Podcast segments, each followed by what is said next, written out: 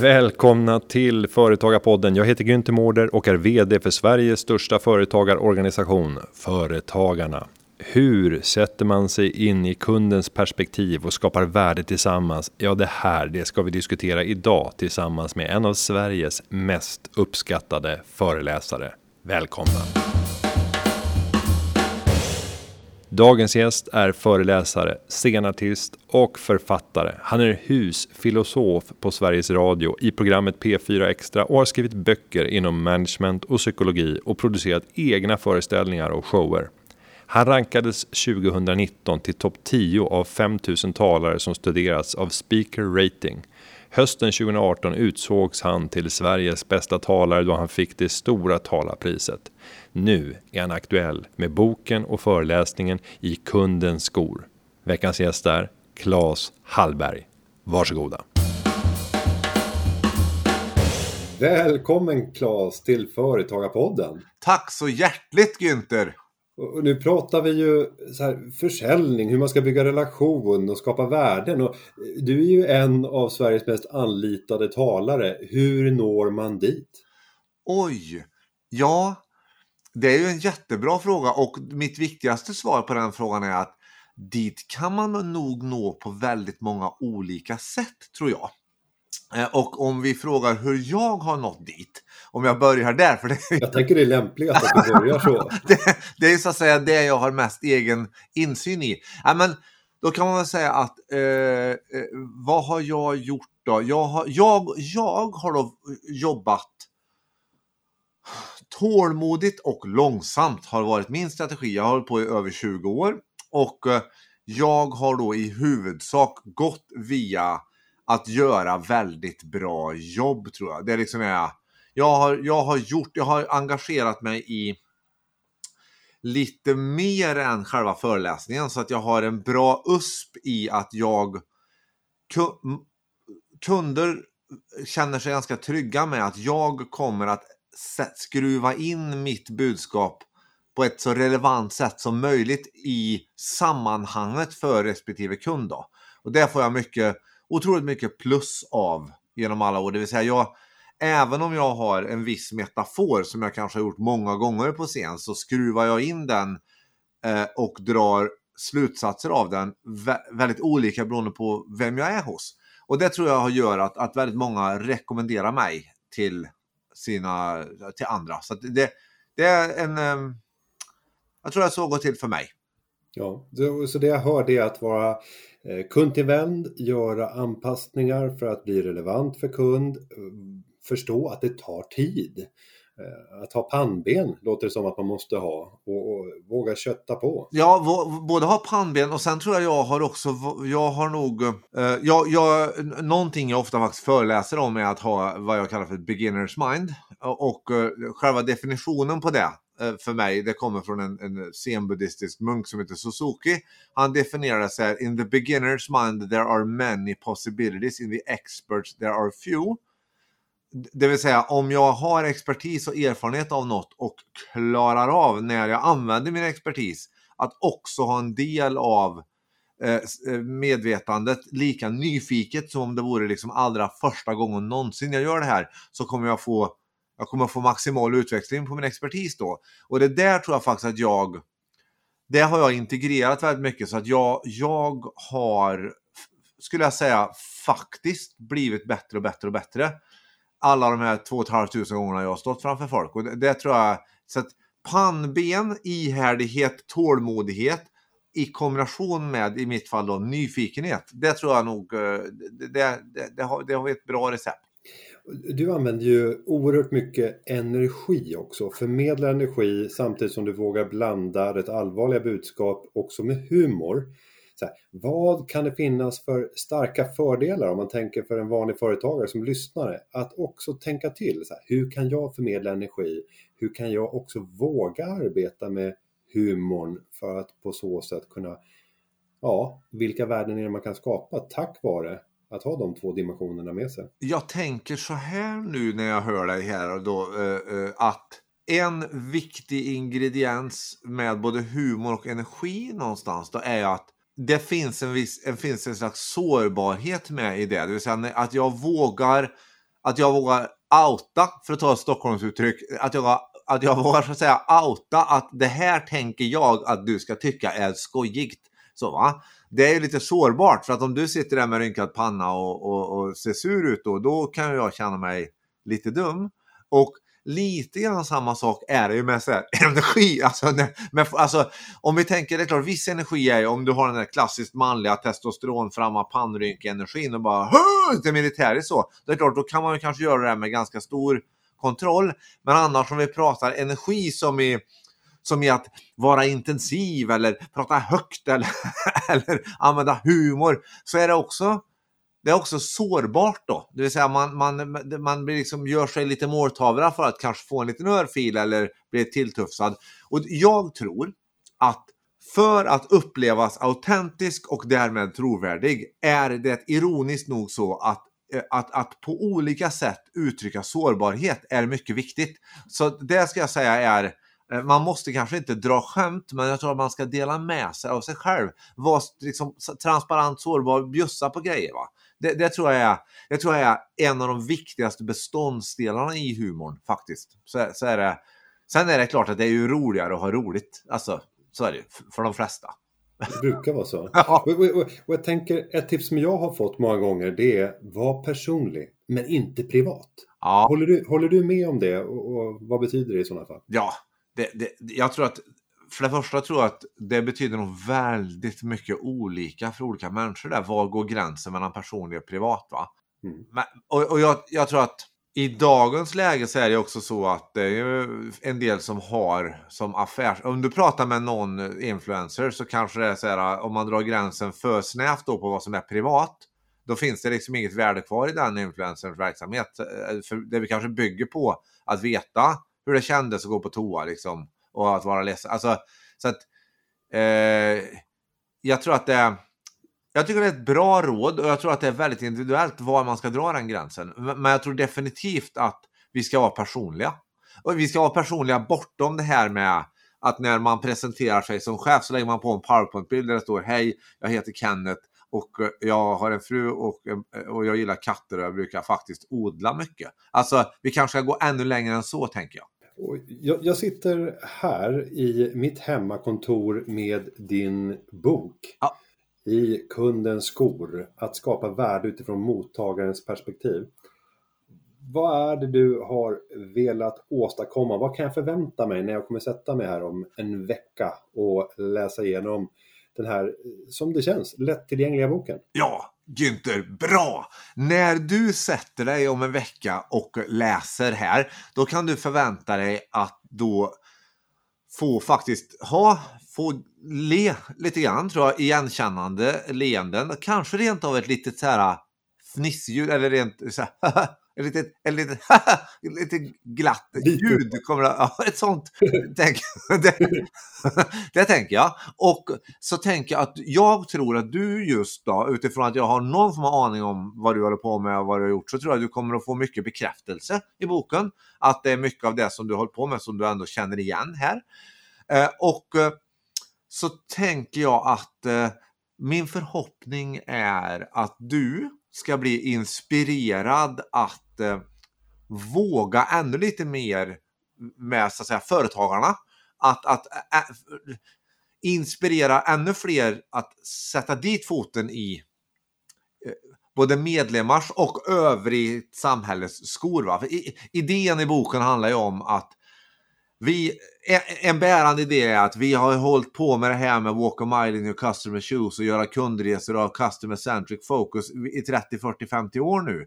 Och eh, vi har ju bland annat Jan Karlsson då, som skrev boken Riv pyramiderna. Han har ju eh, så att säga bjussat på ett citat i våran bok där han, eh, där han faktiskt sa spontant att den här boken borde ju inte behövas, men den behövs. Så att jag tänker så här, det vi försöker göra med boken är att sänka tröskeln för att faktiskt få dit foten. Det vi påpekar att väldigt ofta så behöver man inte gå runt särskilt länge. Man behöver liksom bara dit och hovra med foten över kundens skor så får man ledtrådar. Det här är inspelat, jag fick eh, skickat av en läsare av boken som skickade, han hade köpt ett kök av eh, ett företag och så hade han, eh, det blev ett problem och så var han tvungen att, och, Eh, ring, han gick in på hemsidan, försökte få tag på den, det gick inte att lösa problemet. Så han var tvungen att ringa till kundtjänst. Och så har han spelat in, jag spelar, in, jag spelar upp det här nu för att se hur ljudkvaliteten blir. Det. Välkommen till Wireway. Våra medarbetare är klara till att hjälpa dig på bästa möjliga sätt. En, två, tre, fyra. Välkommen till Wireway. Våra medarbetare är klara till att hjälpa dig på bästa möjliga sätt. Okej. Okay. Var femte sekund i 23 minuter fick min polare, eller min läsare här, höra meddelandet. Välkommen till Wary. Våra medarbetare är klara för att hjälpa dig på bästa möjliga sätt. Och det här tycker jag är vackert då, för hur, hur länge behöver de lyssna på sitt eget meddelande för att få ledtråden att hmm, att få höra det här var femte sekund i 23 minuter kanske inte är optimala förutsättningar för att den här kunden ska vara ett gott sinnestillstånd när vi sen svarar i telefonen. Kan det inte vara risk för att kunden säger så här Jaså, ni är klara nu? För att man behöver ju ärligt talat inte höra på det särskilt många gånger innan man börjar tänka Nej, ni är nog inte klara att hjälpa mig på bästa möjliga sätt. Va? Så om jag ska säga så här, det vi försöker, det här är ju uppenbarligen inte med i boken eftersom det här är, det är ju en läsare som har skickat in här efterhand, men intentionen här Günther med boken det är just att, att inspirera oss alla att hitta de här låg, den lågt hängande frukten av sånt vi håller på med som är puckat. Som om vi bara klarade av att ta någon annans perspektiv på det vi själva håller på med. Då skulle vi se, ja men så här kan vi inte hålla på. Och det finns ju i varenda verksamhet finns det sånt. Jag försöker ständigt och jämt titta i min egen verksamhet här.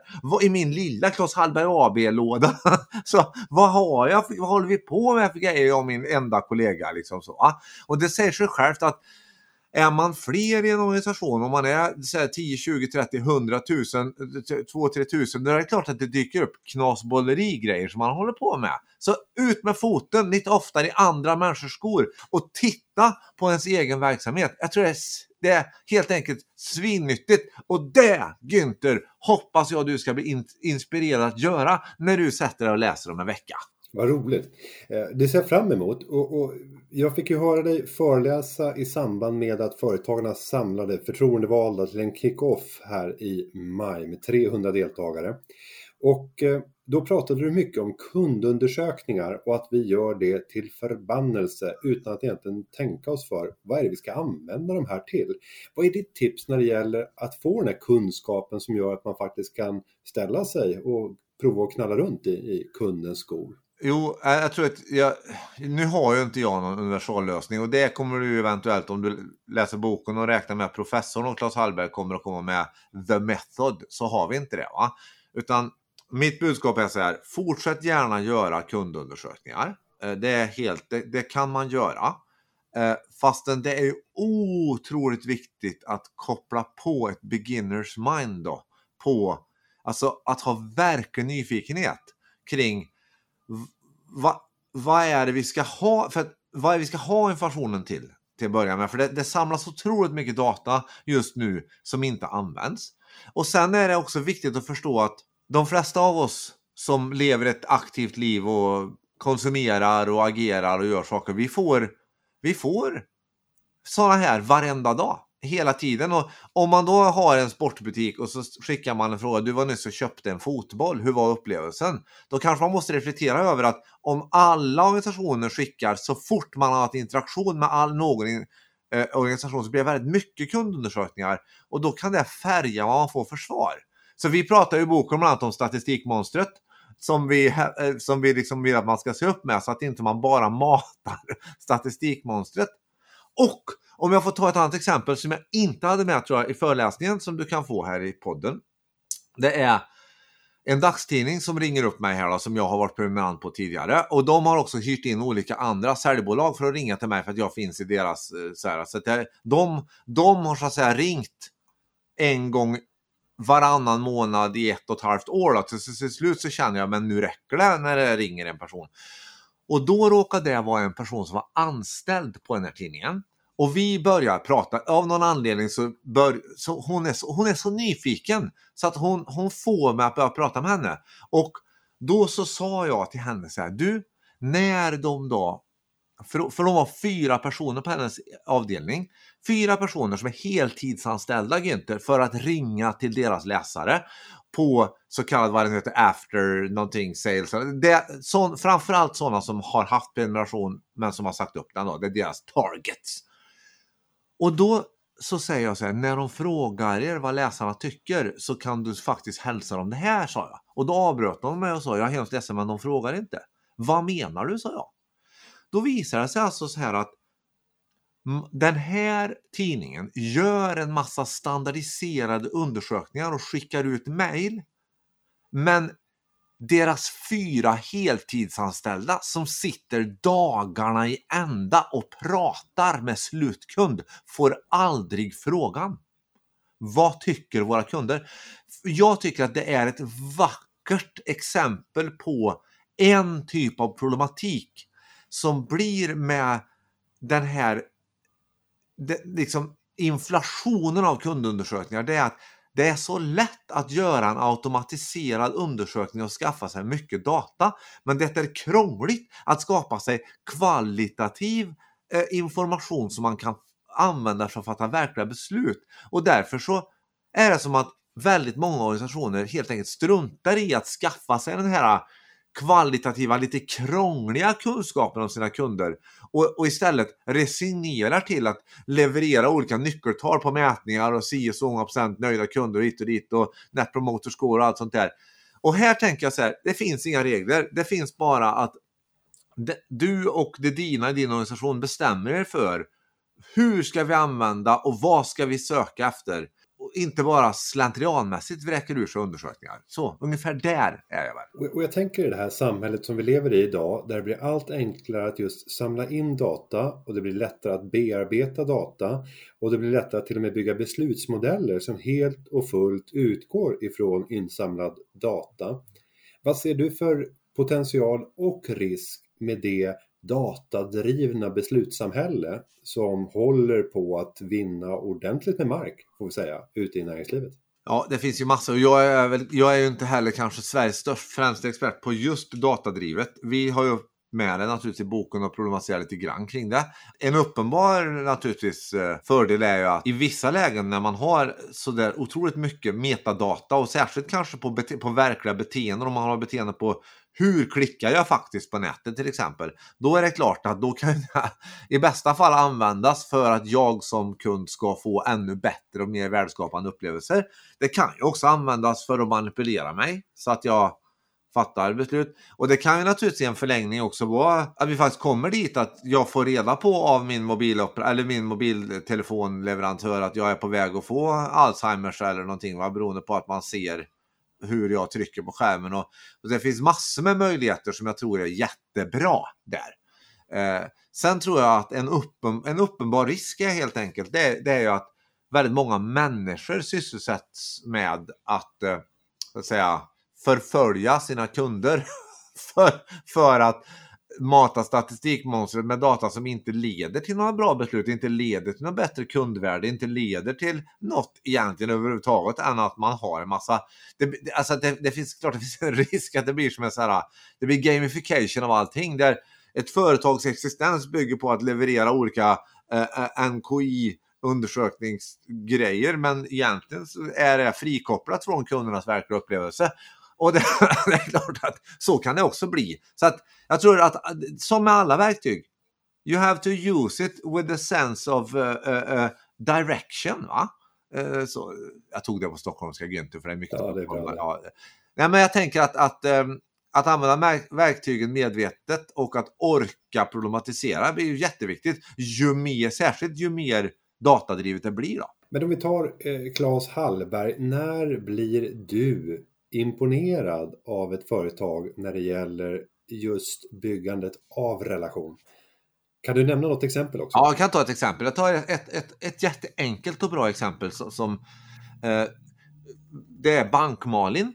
Eh, jag, då är det, ja, det här kan passa. Det är ju mycket företagare som lyssnar på podden här nu va? och eh, eh jag har ju då eh, ett litet aktiebolag och så eh, hörde min bokföringsbyrå av sig och så skulle de byta personal, alltså en hon som var huvudansvarig för mitt bolag skulle sluta och så skulle en ny börja och då skulle den nya då anställde få behörighet att se mina konton på banken. Och då bad de mig om det och jag mejlade vidare till Bankmalin som skriver tillbaka till mig. Så här förstår du Günther. Då skriver hon Eh, för jag skickar med personnummer på den nya personen så jag tänkte det går säkert att fixa. Det här kan vi fixa på två olika sätt skriver Bankmalin i ett mejl. Antingen skriver jag ut ett, eh, ett, ett, ett, formulär här som jag eh, fyller i och skickar till dig per post och så skriver du på det och så lägger du i svarskuvert och skickar tillbaka till mig. Då har hon det här eh, sannolikt eh, om en vecka ganska exakt, behörigheten. Eller så går du in på internetbanken och så går du Eh, tar du fjärde rullgardinsmenyn från vänster, kundservice heter den, så scrollar du ner tre hack till behörigheter, klickar där och så klickar du på befintliga behörigheter och då får du upp din nuvarande bokförares namn, klicka på den, längst ner i högra hörnet så står det duplicera behörighet. Då gör du det, lägger in personnumret på den nya personen och då har hon tillgång direkt. Vi kan göra hur du vill med det här, jag är på, skrev hon. För mig är det här det är första gången i hela mitt liv som en företrädare för en stor organisation hjälper mig att hitta rätt på deras egen hemsida. Det vill säga normalt sett så blir det i sådana här lägen, det här kan du lösa på mina sidor, dina sidor, våra sidor, medlemssidorna, du vet, vad det nu heter. Och så blir jag lämnad där. Och här tänker jag, här tog, la hon då ner, Bankmalin la ner ytterligare kanske en minut av sin arbetstid för att åstadkomma detta. Eh, och jag kunde då enkelt eh, göra det här. Och då är det intressant. Hon la ner en minut extra tid. Eh, eh, och eh, jag kände mig omedelbart inbjuden att samskapa värde. Bokföringsbyrån fick tillgång till det här direkt. Och dessutom så är det så att jag blir mer nöjd med banken och en svinfin poäng är att exakt samma sak är ju när det byts person på bokföringsbyrån så gäller ju det här Skatteverket också för de ska kunna göra min momsdeklaration varje månad. Så, och där fick jag aldrig den hjälpen. Så varje gång det byts person nu, det har hänt ett par gånger till sedan dess, så sitter jag där och måste mejla till, chatta med Skatteverket. Vart var det man gjorde det där nu igen? Va? Du vet, och det tycker jag liksom är... Det där är ett sånt, det behöver inte vara krångligare än så. Men det gäller att vi inte skapar strukturer då där den här bankkvinnan till exempel är, tänker nej, nej, nej, jag hinner inte lägga en minut till på den här kunden för då kommer mitt så här, någon form av äh, nyckeltal att äh, mätas sämre på mig, att jag har färre ärenden hanterat på en dag etc. etc. Något, va? Utan det är sårbart hur vi styr äh, i våra stora organisationer. Det gäller att vi verkligen tänker efter vad det får för konsekvenser. Eh, och det jag tror att det krävs ofta, i, i boken pratar vi ju både om att det, eh, vi styrs av både individuell och organisatorisk rädsla. Och här gäller det att organisationer ser till på alla möjliga sätt att bejaka att medarbetare tar egna initiativ som bankmanen gjorde så att inte hon blir bestraffad. Och det där tror jag man kan göra, just den typen av exempel kan, kan man hitta i vilken organisation som helst, hundratals, varenda dag. Det jag också, om jag babblar på lite till, kan konstatera att där ser jag när jag är ute och föreläser i stora organisationer att det väldigt ofta är så att internt mellan avdelningar eller mellan det, eh, eh, förvaltningar eller mellan varje orter i olika stora organisationer så har man samma grej där. Istället för att man har slutkund för ögonen och tänker nu ska jag hjälpa min kollega på den andra avdelningen att hjälpa slutkund genom att ge min kollega lite mer info, lägga ner två, tre minuter på det, så tänker jag det här borde de ha skött från början på den avdelningen så att det här skickar jag tillbaka till dem. De är ju som de är där. Alltså, här finns det Günther massor med lågt hängande frukt tänker jag för eh, eh, samskapande av värde. Enkelt! Och det här ordet då, samskapande. Eh, vad lägger du i det begreppet? Co-creation säger man på engelska. Vad, vad, betyder det? Det har ju varit väldigt trendigt senaste ja, åren. Det är lite bajsnödigt faktiskt för att prata ren svenska ibland med co-creation och future och sådär. Men, men eh, det viktiga där tycker jag är ju att vi måste börja förstå att värdet av produkter och tjänster i allmänhet uppstår när produkter och tjänster används. Eh, mitt favoritexempel som jag vill minnas att jag tog på föreläsningen när jag gjorde för er var ju också, det är ju en bil. Att bilindustrin har en tendens att tro att en bil har ett värde. Men, men en bil har, såvida inte det är då en excentrisk, alltså någon sån här ah, limited edition, gjordes bara fem bilar och man kanske köper, någon excentriker köper den för att ställa den i ett garage i 30 år och sälja originalskick sen va. Om man undantar den typen av grejer så är det så att en bils värde uppstår när den används till att transportera människor eller eh, saker eller något. Va? Och, och, och, det måste, och därför måste vi underlätta för varandra att vara med och skapa värdet och bjuda in. Om vi tar hela offentliga sektorn har ju massor av potential att bjuda in oss medborgare i det värdeskapande. Men istället så finns det en, en sån här tydlig sån generell tendens att en myndighet tycker att det enda du ska göra som medborgare är att du ska fylla i formuläret, rätt formulär på det sätt vi har tänkt. Och det får du lista ut själv. Och när du har gjort det så ska du skicka in det och sen ska du bara hålla käften tills vi hör av oss om obestämd tid och säger nu är vi klara. Och innan dess vill vi inte att du frågar någonting. Där har du senast när jag var på en statlig myndighet som, som konstaterade här att den vanligaste frågan 2020 till växeln var, var hur går det med mitt ärende? Så, det vill säga samskapandet är inte konstigare än att jag är med och ser till att bokföringsfirman får behörighet eh, istället för att jag låter banken göra det. För det går fortare för mig att göra det. Så alla är nöjda. Och, och i grund och botten så låter det som att skapa en eh, enkel vardag för både företaget och den som konsumerar företagets produkter och tjänster. Gör det lättare att eh, leva kan man sammanfatta det så? Ja, det kan man göra. Och man kan också prata om att göra varandra bra liksom, på något mm. vis. Och det, det, är ju någonting som är önskvärt hela samhället, tänker jag. Ja, det, det, det är ju väldigt fint. Om vi går och tittar på andra tankemissar som man gör, för du säger att det är ju när man använder produkten eller tjänsten, det är då värdet skapas. Samtidigt så tänker väl säkert många företag att det är när försäljningen är gjord som värdet har skapats. Det är då man bokför intäkten och det är det som skapar vinsten. Hur ska man ställa om det där mindsetet för att förstå hur värdet skapas och kan man, hur man ska bygga relation kopplat till att det ser annorlunda ut när det gäller relationen än vad det gör i bokföringen? Ja, det där är ju liksom lite grann eh, eh 10 000 kronors frågan då. Men, men, så, i dagens penningvärde kanske 100 miljoner kronor frågan. Men eh, jag tror att man ska lyssna på den här podden. Man ska dela den här podden med kollegor. Man ska läsa min bok. Man ska prata om det här. Man ska liksom, vi ska, ja, vi ska, vi ska ställa den här frågan du ställde till mig. Så här, men vänta, det här co-creation alltså, låter så otroligt pretto. Vad betyder det egentligen? Jag tror, jag tror att det är liksom en, en av nycklarna är att vi helt enkelt bara synliggör att det inte är de här, äh, särskilt, väldigt sällan är de vattentäta gränserna mellan leverans och värde. Utan att det finns ett, ett äh, att det, vi, vi, vi, vi är kvar i varandra så att säga, eh, entangled när värdet uppstår. Eh, vi använder ju metaforen lastkajen då, eh, här, äh, att, att ehm, just att man, man, man tror att man, man, man, tänker att nu, värdet uppstår. Nu när vi har packat varan, ett tillverkande företag och ställt den på lastkajen, då har vi gjort vårt. Va? Eh, men det är väldigt mycket kvar där eh, innan, innan värdet kan uppstå. Men om vi nu har en eh, företagare, en småföretagare som har lyssnat på den här podden. Man kanske till och med var förtroendevald inom företagarna och fick ta del av din föreläsning under kickoffen. Eh, och sen så bestämmer man sig för att ja, men nu ska jag faktiskt eh, ställa mig och knalla runt lite grann i kundens sko.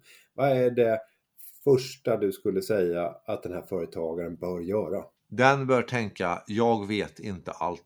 Mm. Det är det första. och sen ska jag säga så här, sannolikheten om det är en småföretagare, eh, då är sannolikheten mycket stor att den redan är bra på det här. Ska jag säga. Alltså det, det... Varför? Därför att den är, om det är en småföretagare kommer den, alltså av 100 småföretagare och 100 representanter för stora organisationer så kommer de 100 småföretagarna att vara ha större kännedom om slutkund, vara mer involverade med slutkund eh, än de stora. Det vågar jag påstå. Det vill säga, det ligger lite grann i sakens natur. Har jag en liten verksamhet så kommer jag också att vara ganska nära mina kunder för att jag har inte så vansinnigt många. Det är liksom inte, det är inte massor med led. Jag, har inte, jag är inte chef över 14 000 människor som i sin tur varav det är 800 som har slutkundskontakt. Då kan det ju bli rätt långt mellan beslutande hjärna och kundens upplevelse. Men småföretagare har ju använt värsta potentialen och går ofta runt i kundens skor. Och då handlar det ju liksom eh, bara om att vässa det, liksom. Var ännu mer nyfiken, beginners mind, eh, det, och, och, och komma ihåg just det att, att uh, jag så påminn om att det jag tar för givet, det kanske inte andra tar för givet. Ja, det kanske inte behöver vara, vara så komplicerat. Vi, vi känner ju och har säkerligen goda relationer med våra kunder. Det är ju därför de köper vår produkt eller vår tjänst som vi levererar. Eh, att bara sätta sig ner, att börja diskutera. Nyfikenhet tycker jag att jag hör här. Alltså, ja. Ständig nyfikenhet. Det är... Ständigt. Och, och, det är ju också, ständig nyfikenhet någonstans är ju lite så här jag tog på mig en t-shirt här eh, eh, eh, som eh, jag inte då läsare eller lyssnaren kan se. Men jag har en, en t-shirt som jag brukar använda när jag står på scenen ibland. Det står tappar man nyfikenheten blir man gammal fort. Och eh, en väldigt rolig t-shirt. Jag det var en taxichaufför, en egenföretagare i eh, Åre som hämtade mig på Frösön en gång i Östersund när jag skulle föreläsa i Åre. Och han, jag skulle prata om värdskap. Eh, I, liksom att de jobbar i Åre med att det är inte bara det här hotellet och inte bara den här eh, restaurangen utan det är vi i Åre ska samarbeta har de liksom eh, naturligtvis fattat för många år sedan och jobba med. Så då ska jag prata om värdskap och då den här taxichaufför, han sålde in åren något så kopiöst. Han pappa berättade om att han hade minsann bott i både Stockholm och London och Nya Zeeland och allt vart det var han hade bott. Och sen tio år tillbaka bodde han i Åre och han kunde inte hitta någonstans var bättre att bo. Han, var, han verkligen var värdskap, det första så här, kontakten. Han var, han var som en han var, han var, det var fantastiskt, det var precis det jag skulle föreläsa om, så jag tyckte han var underbar. Och sen så gjorde han en konstpaus där mitt i taxiresan. Sen, sen är det klart, sa han, att man får ju, det blir ju lite vad man gör till också, sa han. Vad då menar du, sa jag. Men jag tänker att tappar man nyfikenheten, då blir man ju gammal fort, sa han. Och det han menar var att när han vaknar en morgon så är han nyfiken på vad Åre har att erbjuda också och därför upptäcker han det. Så att han har ju ett eget ansvar själv. Och för mig är det där, det är liksom, eh, det är djupt i närheten av för mig det som är kärnan i att vara människa för min del. Det är att jag vaknar på morgonen och ser till att inte åldras allt för fort.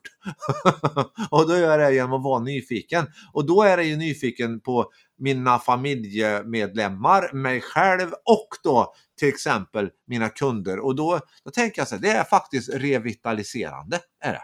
Det, det, jag känner väl du också Günther? Du har ju ja. inte hållit på med allt du har hållit på med i alla år för att du inte har varit nyfiken, eller hur? Nej, och det, det är väl just nyfikenheten som hela tiden har väglett mig till nya och spännande och ofta då väldigt roliga saker att göra. Så att eh, Nyfikenheten i kombination med att följa sitt hjärta mer än hjärna. Eh, det har väl varit min eh, svaghet men också styrka i, i flera lägen att man vågar låta hjärtat styra även om det kortsiktigt verkar fel utifrån vad hjärnan säger. För att det är kanske är en enklare väg att gå att ta, ta det där hållet eller välja den vägen.